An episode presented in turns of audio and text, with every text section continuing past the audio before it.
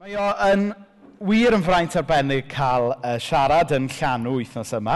Mae llanw wedi bod yn rhan bwysig o mywyd i ac yn rhan bwysig o, o'n haith ysbrydol i dros yr 11 blwyddyn diwetha yma. Yn gyntaf, addoli. Mae hwnna um, wedi bod yn rhan mor bwysig o llanw, fi'n meddwl, a, a mae e wedi bod yn rhan o'r eglwys Gymraeg, iaith Gymraeg, yn darganfod beth ydy mawl cyfoes, a hynna 30 mlynedd ar ôl pawb arall, fel ydy ni, fel Cymru.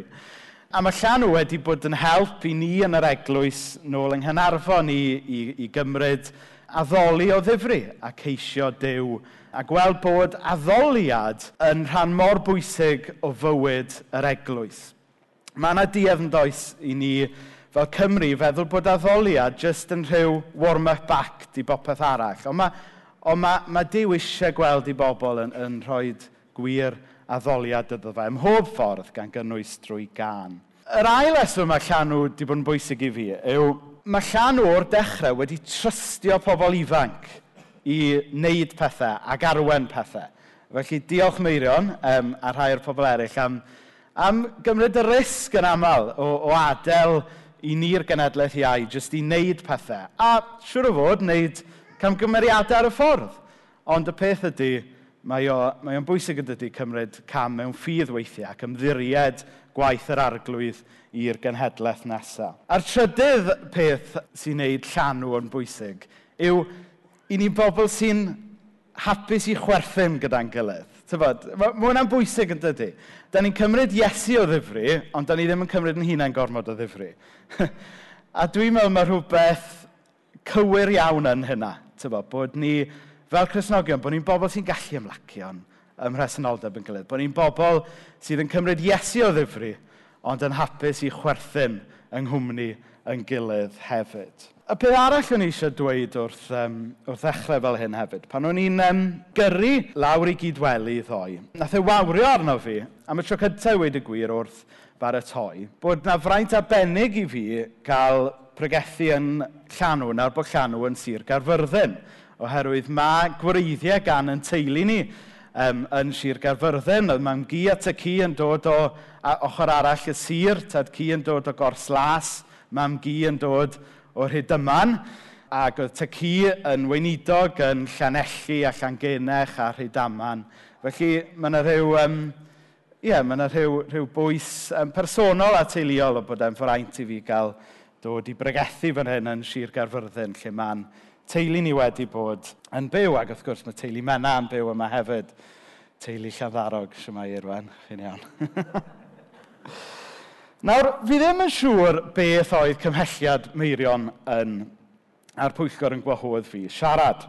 Ond o'r blyrb sydd yn y daflen, Fi yn hwyro bod e rhywbeth i wneud ar, ar rhywfaint o fywyd i ni wedi profi yn yr eglwys yng Nghaernarfon dros y blynyddoedd diwetha.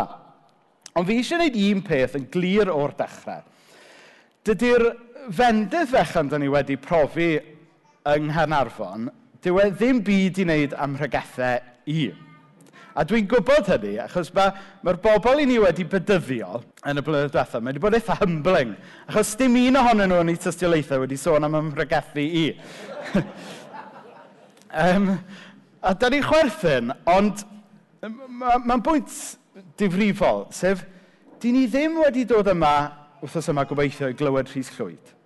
I ni wedi dod yma i wrando ar llais yr arglwydd. I ni wedi dod yma i glywed beth sydd gan ddew i ddweud wrthyn ni allan o'i air. A beth i ni wedi gweld yng Nghanarfon ydy nid bod pobl wedi clywed fi'n pregethu, nid fod pobl wedi mopio gyda Sian a Robin yn arwen addoliad a er mor, mor wych ydy hynna. Ond mae, mae Dyw wedi wneud rhywbeth.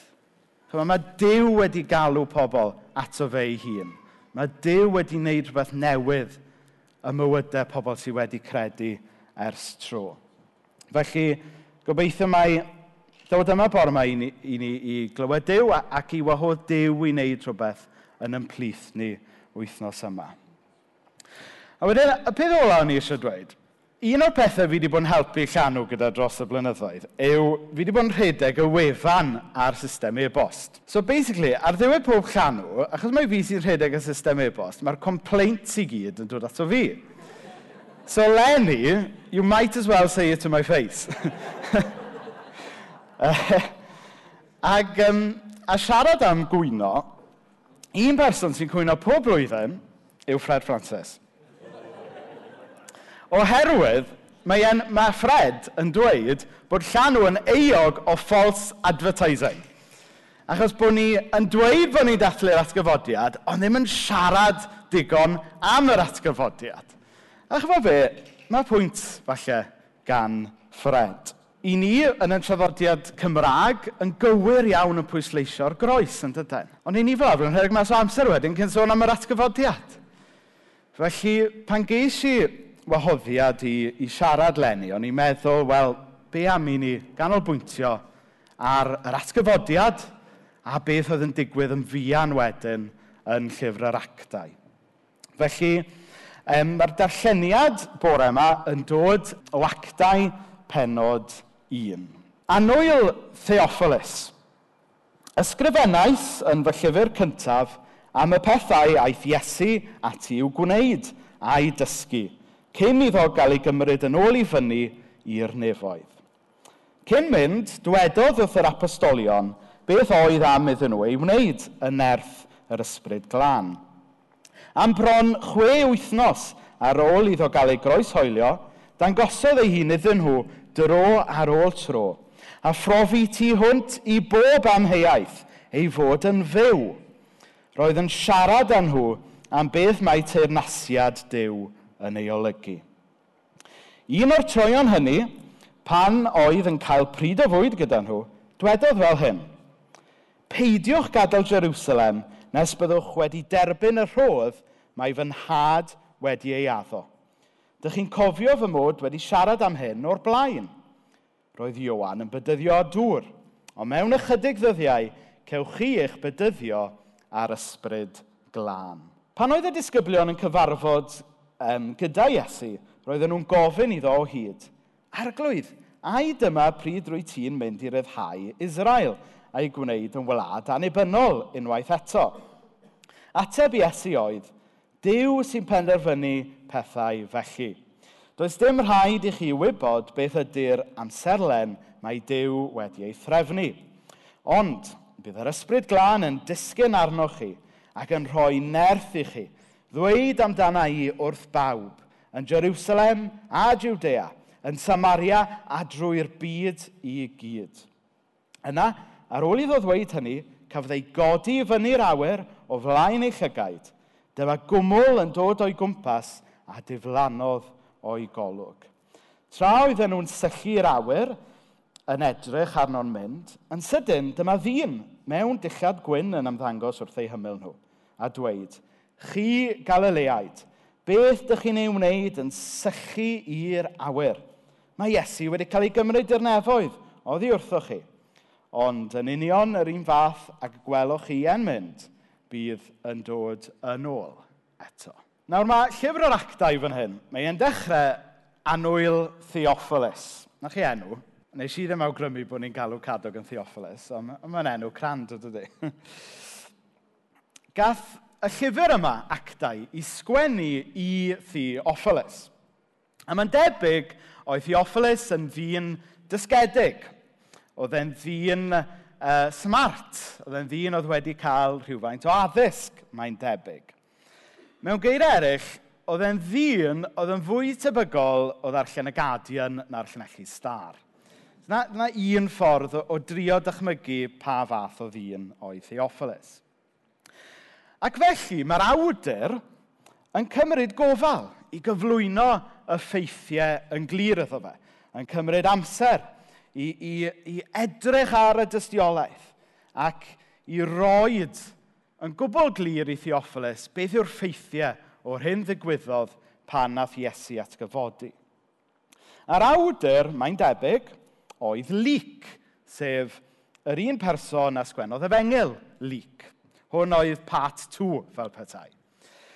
Nawr, oedd Leek yn rhyw fath o ddoctor. A mae hyn yn bwysig ydy, bod gyda ni ddyn dysgedig, Theophilus, a bod na ddarn o dysiolaeth wedi baratoi iddo fe gan ddoctor. A mae doctoriad, mae, mae meddwl gwyddonol gan ddoctoriad, yn does? Er, fi'n gwybod, os chi'n mynd i'r surgery at ywain ar oben, falle, chyfod, ter dysbryd glan yw i fwy na, fwy na ffeithiau gwyddorol. Na, sori, sori, sori Robin ac ywain. Ond, um, ond chyfo, ar y cyfan, mae doctoriad, maen nhw'n bobl gwyddonol, maen nhw'n bobl sy'n derio mewn ffeithiau, yn dydyn. Os chi'n sal, a chi'n mynd i weld y doctor a chi'n cael prescription, mae e'n dweud yn bendant, ydy? Chi'n cymryd dau dablet y dydd Un yn y bore, un yn y nos. Di'r ddim yn dweud, wel, wel, cymerwch chi, fe bynnag chi ffansio. Chyfo, cymerwch chi, un yn y bore, un yn prawn, mae e lan i chi. Na, mae doctoriad yn delio mewn ffeithiau. Ac felly mae'n arwydd y cael fan hyn. Mae nid rhyw gasgliad o deimladau, nid rhyw gasgliad o syniadau wedi wneud fyny, nid rhyw storys tylwyth teg sydd gyda ni fan hyn yn llyfr yr actau. Ond llyfr hanesyddol yn llawn tystiolaeth wedi baratoi gan ddyn a meddwl gwyddonol i'w gyflwyno i ddyn oedd mwy na thebyg yn ddyn dysgedig. A tra bod ni ar y pwynt yna, mae'n bwysig bod ni'n cofio mai casgliad um, o lyfrau ydy'r Beibl. Mae'r ma ma graffeg yma off um, gwefanbeibl.net yn, yn dda yn dydy, yn atgoffa ni, um, er bod y Beibl i ni, fe'n edrych fel un llyfr, ond casgliad o lyfrau ydy'r Beibl. Yn cynnwys llyfrau o genres gwahanol. Yn gwrs chi wedi bod i siop lyfrau erioed. Pobl, pobl ddim yn mynd i siop a llyfrau dyddiau yma, heblaw am fy ngwraig sy'n mynd bob dydd.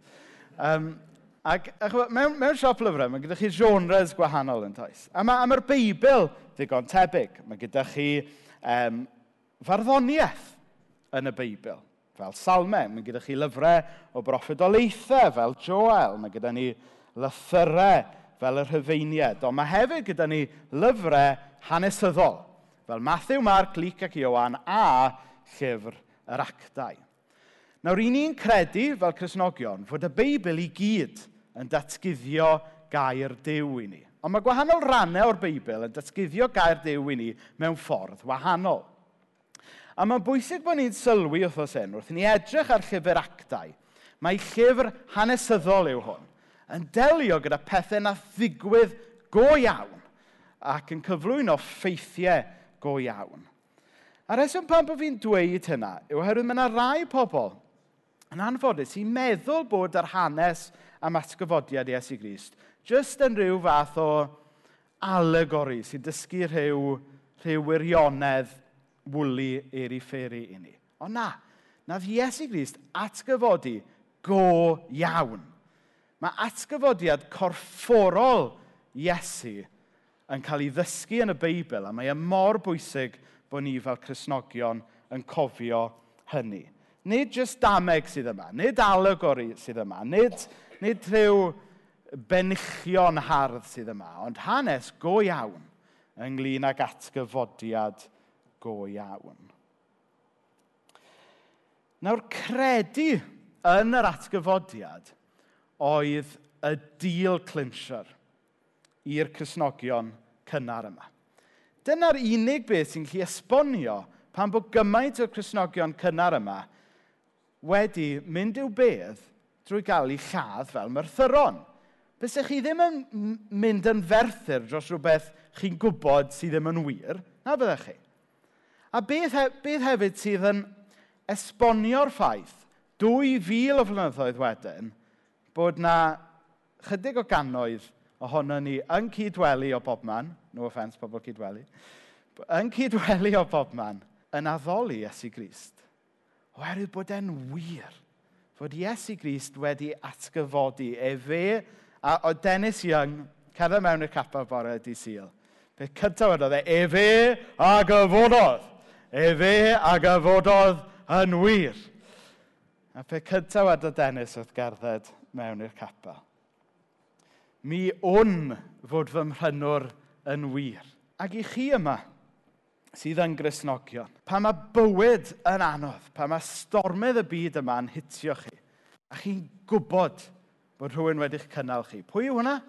Yr Iesu Grist sydd wedi atgyfodi. Pa mae sefyllfa bywyd yn hollol dywyll, a mae yna rhywun yn eich codi chi. Pwy yw hwnna? Iesu Grist sydd wedi atgyfodi.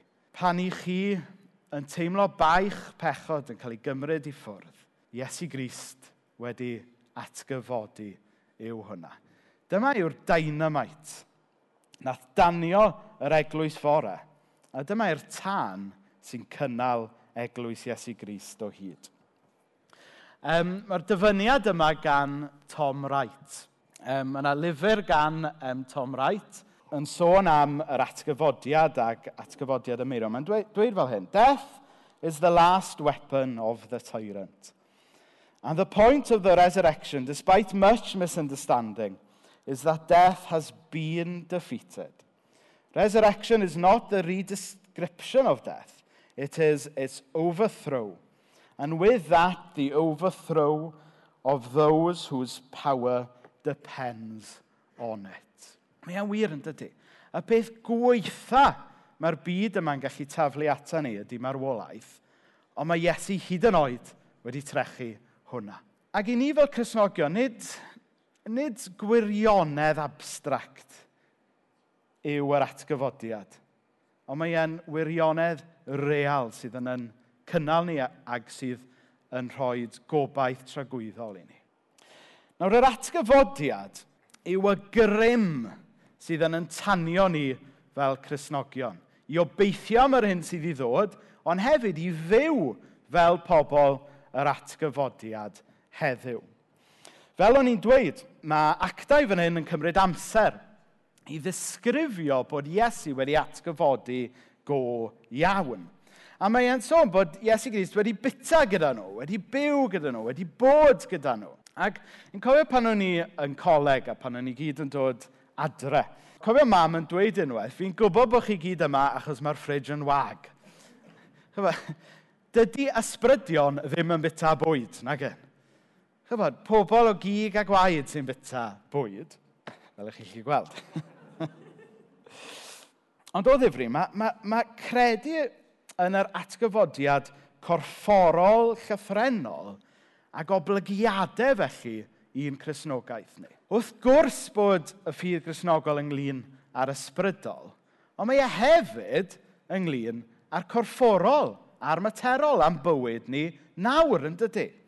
Mae gyda ni obaith am yr hyn sydd i ddod, ond mae gyda ni waith i wneud nawr hefyd. Ac i ni'n gweld hwnna yn yr hyn mae Iesu yn ei ddysgu i'w ddisgyblion ar ôl iddo fe atgyfodi. Oherwydd, un o'r pethau cyntaf mae Iesu yn dysgu yw fel hyn. Roedd yn siarad â nhw am beth mae teirnasiad Dyw yn ei olygu. Teirnas Ddyw. Nawr mae hwn yn syniad eitha anodd i ni gael yn pen o gwmpas. A ni ddim mynd i wneud cyfiawnder ar peth bore yma. Ond gadewch i ni drio deall beth yw her y ddysgeidiaeth yma gan Iesu i ni bore yma. Nawr mae yna rai traddodiadau chrysnogol yn deall tenas ddiw fel just rhywbeth ysbrydol. A mae'r gwaith oledu teyrnas Duw wedi rhannu efo pobl am Iesu a wedyn dal yn dyn nes bod ni'n cyrraedd adre i'r nefoedd.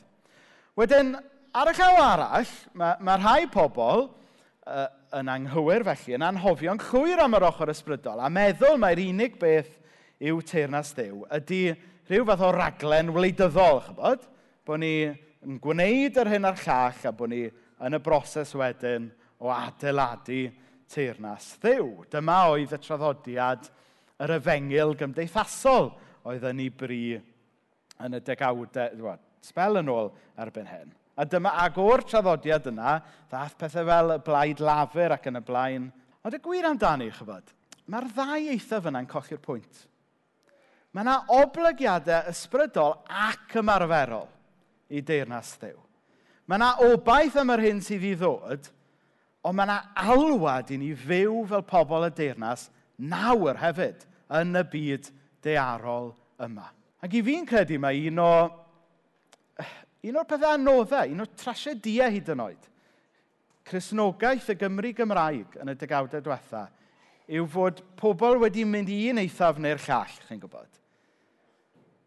Achos yn y Beibl, i ni'n gweld bod teunas Dyw yn deunas sydd ddim yn either or. Dwi e ddim yn ysbrydol ac yn ymarferol. Dwi e ddim yn y byd sydd i ddod neu y byd nawr. Mae e'n both and. Mae teunas Dyw yn un ysbrydol sydd ag oblygiadau ymarferol.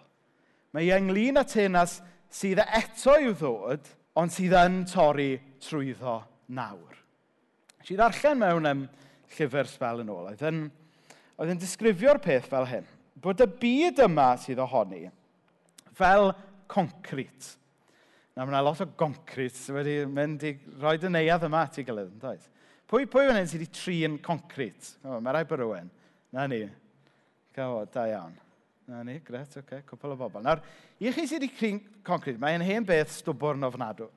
Chi'n chi, cymysgu fe at ei gilydd, a chi'n meddwl, well, chi'n lle chwarae gyda hwn, a wedyn sydyn reit, mae'n cymryd i siap. A wedyn oedd wedi cymryd i siap, oh, mae'n stwbwn, chi'n methu newid o wedyn. Neu falle bod chi wedi trio cael gwared o goncrit erioed, a chi'n taro fe, taro fe, mae'n beth anodd i gael gwared ohono fe. A dyna sy'n mae'r byd yma i bechod yn teimlo weithiau, ynddo fe? Fel concrit. Ond teirnas ddiw ydy'r blodyn yna sy'n tyfu trwy y concrit. A'r blodyn cyntaf oedd Iesu Grist i hun yn ei atgyfodiad Ond yr hyn sy'n hyfryd yw fod Iesu'n galw pob un o'i ddisgyblion e nawr i fod yn flodau sydd yn tyfu trwy concrit y byd yma. A dwi'n meddwl bod hwnna'n ddelwedd hardd yn dydy. I ddechrau bod ni ddim yn anhofio am y concrit ac am broblem pechod stwbwrn y byd yma.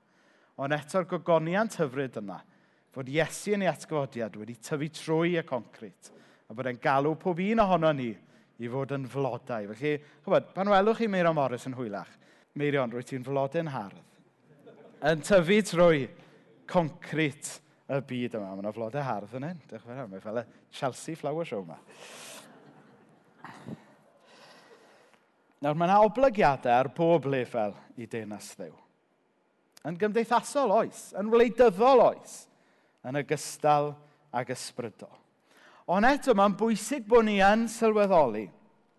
Oedd yr iddewon yma yn meddwl, wel, o ni, i ti wedi dod nawr i... i mae Bible.net yn rhoi yn dda iawn, mae'n gwestiwn chi sgrolio nôl. Wyt ti wedi dod i roi annibyniaeth, neu sgrolio man, fi'n siŵr. I ti wedi dod i roi annibyniaeth i Israel. Dyna oedd yr iddewon yn dweud. Yn, yn meddwl disgwyl rhyw fath o Owain Glyndŵr neu rhyw William Wallace math o gymeriad. Ond oedd tenas Iesu'n wahanol yn daeth. Fe ddath e i ddechrau chwildro. Nid ar gawn ceffil, nid ar byddyn tu ôl iddo fe. Ond ddechreuodd e chwildro, oedd yn dechrau nghalonau pawb. Oedd yn gweld ei hangen ac yn troi at y gwaredwr mawr ei hun. Oblygiadau ysbrydol ac ymarferol i deyrnas ddew. Ac un peth o'n i'n meddwl wrth baratoi hefyd un person um, fel cymeriad ac i lyfrau fe hefyd sydd wedi bod yn ysbrydoliaeth i fi a mena dros y ddeg blynedd diwetha, di Dewi Arwel Hughes. Ac wrth gwrs, ni wedi colli Dewi ers llanw llynedd. Ac oedd Dewi yn, yn ŵr, nath wneud lot o waith yn, yn dysgu ni fel Cresnogion. Sut oedd yr ysbrydol a'r ymarferol yn dod gyda'i gilydd yng ngwaith y deyrnas. Achos be mae Cymru angen heddiw? ydy eglwys sydd yn dysgu ac yn rhannu'r efengil mewn gair a gweithred. Os y'n ni'n rhannu'r efengil mewn gair heb weithred, bydd pobl ddim yn cymryd ni'n sirius. Os fyddwn ni'n neud y gweithredu heb rannu'r gair, yna sut eich pobl ddod i adnabod Iesu. Mae eisiau ni rannu'r efengil mewn gair a gweithred, gan bod yna oblygiadau sbrydol ac ymarferol i deyrnas ddew. So dyna oedd y peth cyntaf oedd Iesu'n dysgu ar ôl atgyfodi. Dysgu ynglyn â teirnas ddew. Yr ail beth oedd e'n dysgu oedd iddyn nhw ddisgwyl a ddewyd yr ysbryd glan. Peidiwch gadael Jerusalem nes byddwch wedi derbyn y rhodd mae fy nhad wedi ei addo. Dych chi'n cofio fy mod wedi siarad am hyn o'r blaen. Roedd Ioan yn bedyddio a dŵr, ond mewn ychydig ddyddiau, cewch chi'ch bedyddio ar ysbryd glân. Nawr, byddwn ni'n edrych yn fwy manwl ar hyn fori wrth i ni fy mlaen i actau penod 2 a hanes y Pentecost. Ond mae'n bwysig i ni heddi, jyst i sylwi fod Iesu Grist yn addo anfon yr ysbryd glân. Chwyd ar ôl i Iesu esgyfodi, mae o wedyn yn esgyn i'r nefoedd. A mae hawdd i ni feddwl weithiau bod bod Iesu rhywsyd wedi, wedi'n gadael ni, jyst i gadael ymlaen y pethau ar yn liwt yn hunain, yn y nerth ni yn hunain. Ond na, mae e wedi addo, a mae e wedi erbyn hyn anfon yr ysbryd glân. Meddylwch am y peth fel hyn. Ych yna bod gyda chi reolwr tîm peldroed, ia? Yn setio lan y tîm, roed yr instructions, dyma'r gêm yn dechrau, dyma'r rheolwr peldroed, yn gadael y stadiwm ac yn mynd i McDonald's i gael flat latte neu beth bynnag maen nhw'n cael dyddiau yma. Nid fel na mae Iesu. Mae Iesu yn danfon i ysbryd i fod gyda i bobl a'i eglwys trwy yr oesoedd. A mae'r ysbryd, mae ysbryd glân, ysbryd yn harglwydd ni. Yma i ni fel Cresnogion ac fel eglwys yng Nghymru heddiw. Ac yn yn dydd ni, pan does dim gymaint o hynny o lewyrch ar waith y deyrnas yn yn gwlad, Mae mor bwysig bod ni'n cofio bod yr ysbryd glân yma. Chybod, falle bod dim lot yn y cwrdd ar ddydd syl. Ond mae Dyw yn addo i ysbryd. Mae'r un pwysicaf yna hyd yn oed os yw rhywun arall ddim wedi troi lan. Na mae y mor bwysig bod ni'n rhoi lle i'r ysbryd glân y mywyd gwaith Dyw yng Nghymru heddiw. A mae hwn yn rhywbeth dwi wedi dod dan argyhoeddiad ohono yn y blynyddoedd diwetha. Falle byddwch chi'n clywed rhai traddodiadau chrysnogol yn ddilornus o bobl sy'n rhoi gormod o bwyslais ar yr ysbryd glân. Wedi clywed rhai pobl yn beirniadu'r cwrs alfa am rhoi gormod o bwyslais ar yr ysbryd glân. Chywed, chi'n mynd clywed am Pentecostals yn beirniadu Christianity Explored am roi gormod o bwyslais ar Iesu Grist. Yw y mab ar ysbryd glân, ei mawl sydd un. Na mae'r hen emyn yn dweud yn dyfa.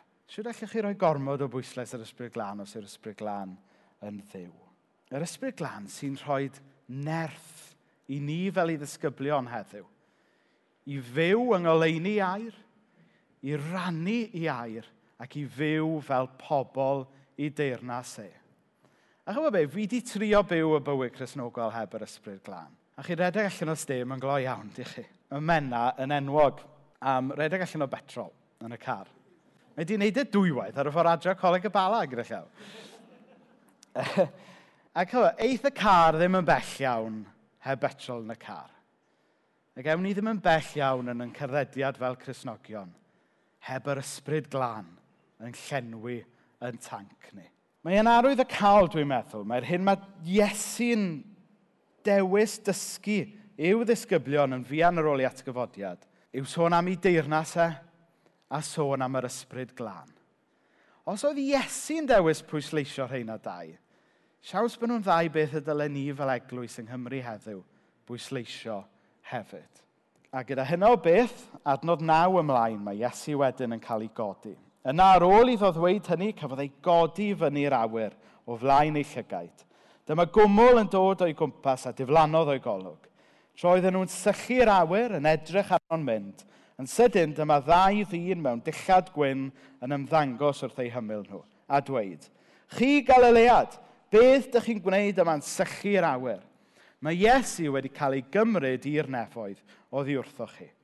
Ond yn union yr un fath ac y gwelwch chi yn mynd, bydd e'n dod yn ôl eto. Wff! Chi'n chi ddechmygu'r disgyblion yma nawr. Iesu Grist wedi esgodi. Iesu Grist yn bwyta gan nhw'n treulio amser gan nhw. Wedyn wwsh! Wedi mynd i'r nefoedd. A chi chi dychmygu nhw yn syllu'r nefoedd yn llyfrennol yn dydech. Wedyn yr angel yn ymddangos. Beth ych chi'n neud yn syllu'r nefoedd? Mae gwaith gyda chi'n neud. Mae eisiau chi fynd allan i ddweud wrth bobl am y newyddion da yma. Mae eisiau chi fynd i fyw eich bywydau nawr fel plant y deyrnas. Mae eisiau chi ddisgwyl am yr ysbryd glân. A dwi'n meddwl bod y ddelwedd yma am sefyllian o gwmpas yn heriol i ni fel Cresnogion Cymraeg heddiw. Tybed ydy ni yn eog o sefyllian o gwmpas. Falle wedi profi heddwch gydwybod, wedi derbyn maddeiant pechodau yn hunain. Gan ffeindio'n hunain awr yn sefyllian o gwmpas yn disgwyl ymlaen i fynd i'r nefoedd o tan bod y dydd yna'n dod, mae yna waith gyda ni'n wneud. Mae gyda ni wlad sydd angen clywed am y newyddion da. Mae gyda ni wlad sydd angen profi. Teirnas Dew yn ei erth, mae gyda ni eglwys sydd angen ei llenwi eto gyda'r ysbryd glân. Falle bod yr profiad ungol yma o weld gymaint o eglwysu trwy yn gwlad ni yn, yn cael, a falle ar ei gliniau ola bod ni'n teimlo'n sialsioc, bod ni ddim yn gwybod beth i wneud, bod ni'n ffeindio'n hunan yn sychu i'r nefoedd. Ond beth am i ni wrando ar, yr, ar y gair gan yr angel hefyd? I ni fynd a dweud wrth Galilea, a dweud wrth Gymru am Iesu Grist. Nawr, na i orffen bore yma, dwi'n meddwl, drwy, drwy rannu fel hyn, o, o fynd yn ôl i'r dechrau. O'n i'n dweud bod gan yn heili wreiddiau fan hyn yn Sir Gaerfyrddin. Ac oedd hanes tad cu yn ddiddorol. Um, fel lot o bobl yr ardal yma, nath yn hen dad cu, so tad tad cu, fi oedd e farw yn ifanc mewn damwain yn y pwch glo yn... Beth oedd enw'r pwch glo yna? Ti'n cofio, mam? Ochrau Crosans Cefneithyn ffordd na. Ie, yeah, mae ma rhyw barc gwledig yna nawr. Na i, chi bobl yr adl, chi'n gwybod. Ond fi oedd, fi oedd yn hen dad ci farw mewn damwen yna. A wedyn, yn fian wedyn, o rhaid i tad cu gymryd i le yn y gweithfeidd er mwyn cario ymlaen i ddod ag arian mewn i'r teulu. Y tad cu yn 14 oed yn mynd i weithio i'r pwch glo. A lle mae'n plant 14 oed bore yma, chwarae PlayStation, siwr o fod. Chwa, mae ar ryw lefel, i ni wedi mynd yn bell fel Cymru, yn dydyn. Ond yn ysbrydol, i ni wedi mynd ar goll. Atec hi wedyn, maes o law, pan oedd e tua 30, dwi'n meddwl, mae fe'n gadael um, y gwaith glo ac yn cael mynd i gael rhywfaint o addysg, ac wedyn yn mynd i'r weinidogaeth. Ond yn ddiddorol, ath e'r weinidogaeth i ddechrau gyda rhyw alwad i adeiladu teirnas ddiw fel sosialydd. Dyna, dyna oedd ei fryd e i ddechrau. A wedyn, wrth bod e yn cael ei hyfforddi i'r weinidogaeth, dyma fe'n gweld. Yw teirnas Dyw ddim yn rhywbeth y gallwn ni adeiladu drwy wleidyddiaeth, neu o leia trwy wleidyddiaeth yn unig. Ond mae cwestiwn ysbrydol oedd teirnas Dyw. Ac, a fe ddath tad cu gredu yn ei waredwr. Yn ddiddorol, pan oedd e ganol cael ei hyfforddi fod yn weinidog. Dwi'n lot am, am drefn yr hen gorff Miriam, yna ni.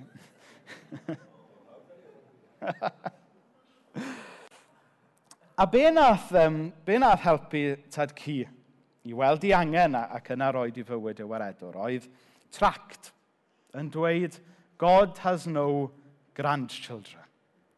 Yn i'w arher yna, dy fe?